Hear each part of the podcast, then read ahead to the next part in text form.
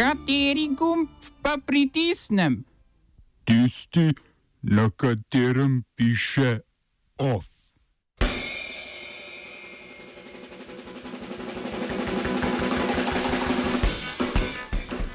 V izraelskem napadu v Siriji 15 mrtvih. Vrh Evropske unije še vedno brez dogovora o vodilnih položajih. Protestniki v Hongkongu udrli v skupščino.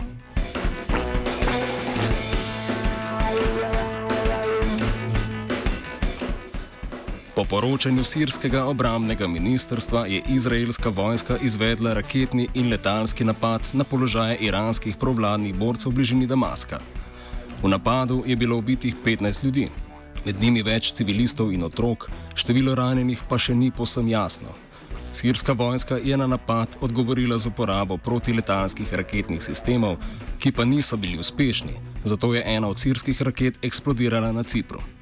Zonani minister turškega dela Cipra Kudret Özersej je ob tem povedal, da ranjenih sicer ni bilo, da pa jih izjemno skrbi možnost prelivanja nasilja iz Sirije, zato bodo uvedli dodatne varnostne ukrepe.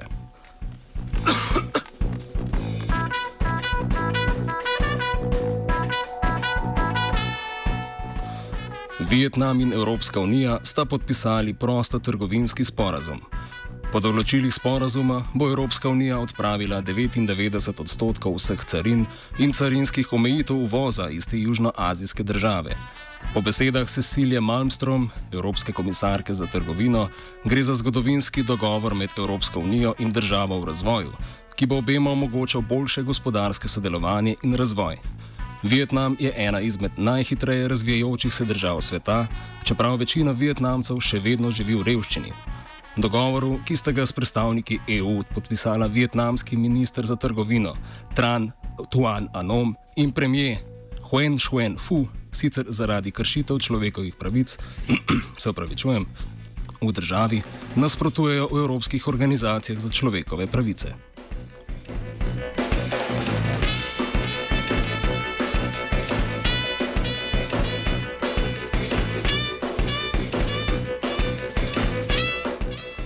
Na obletnico konca kolonialne oblasti v Hongkongu se nadaljujejo protesti proti vladnim zakonom o izročevanju zločincev Ljudski republiki Kitajski.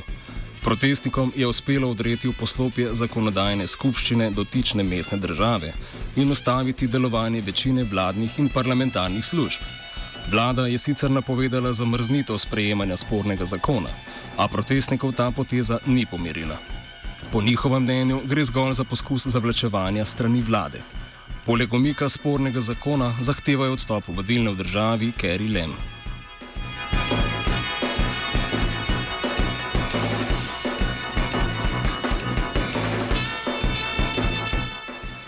Iranska tiskovna agencija Fars je sporočila, da je Iran prekoračil mejo dovoljenega oplemenitnega urana, ki ga določa iranski jedrski sporazum. S tem so uresničili napoved, da zaradi ameriškega odstopa od sporazuma tudi oni ne bodo spoštovali vseh določil in omejitev, ki jih ta določa za iranski jedrski program. Do sredine julija imajo sicer ostale podpisnice sporazuma, med njimi Evropska unija, Rusija in Kitajska, čas, da sporazum oživijo z omilitvijo ameriških sankcij. Države EU so sicer v petek napovedali zagon mehanizma Instex ki bi iranskim podjetjem olajšal poslovanje z evropskimi partnerji. A iranski zonani minister Mohamed Javad Zarif je dejal, da ta sicer dobrodošla gesta verjetno ne bo dovolj za ohranitev dogovora z Islamsko republiko.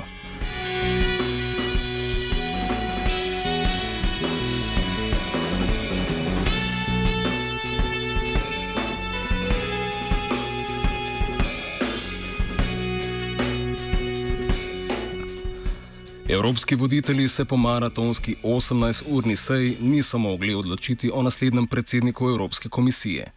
Kandidat mora poleg podpore v parlamentu uživati podporo 21 držav, ki hkrati ne smejo predstavljati manj kot 65 odstotkov celotnega prebivalstva EU. Predsednik Evropskega parlamenta Antonijo Tajani sicer ustraja, da mora biti naslednji predsednik komisije glavni kandidat stranke, ki je zmagala na zadnjih evropskih volitvah.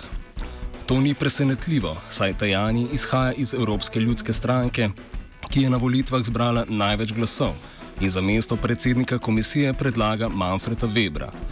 A Weber v parlamentu nima podpore, saj bi proti njemu poleg socialdemokratov glasovali tudi liberalci, ki nasprotujejo sistemu tako imenovanih špicen kandidatov. Med kandidati, ki naj bi uživali največ podpore med voditelji držav, se pogosto omenja kandidata socialdemokratov Franza Timmermansa, ki ga podpirata tudi Angela Merkel in Emmanuel Macron.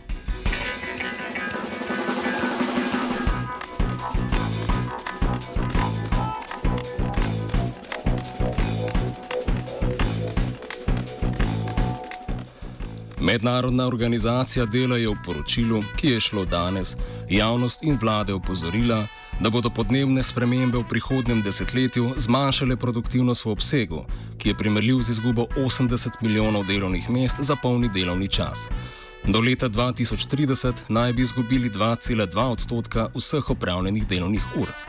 Više temperature naj bi najbolj negativno vplivali na produktivnost v Zahodnji Afriki in Južni Aziji.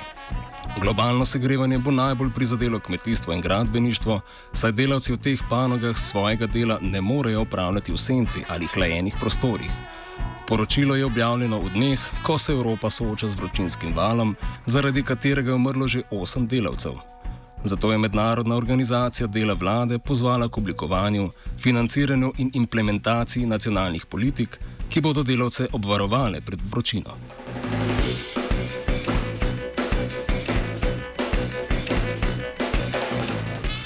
Na japonskem je od danes dalje ponovno dovoljen komercialni lov na kite. Več o vzrokih za takšno odločitev in o posledicah za kite in kitalovce v offsajdu ob petih. Off je skuhal koruza. Poslušate Radio Student 89,3 MHz UKV stereo.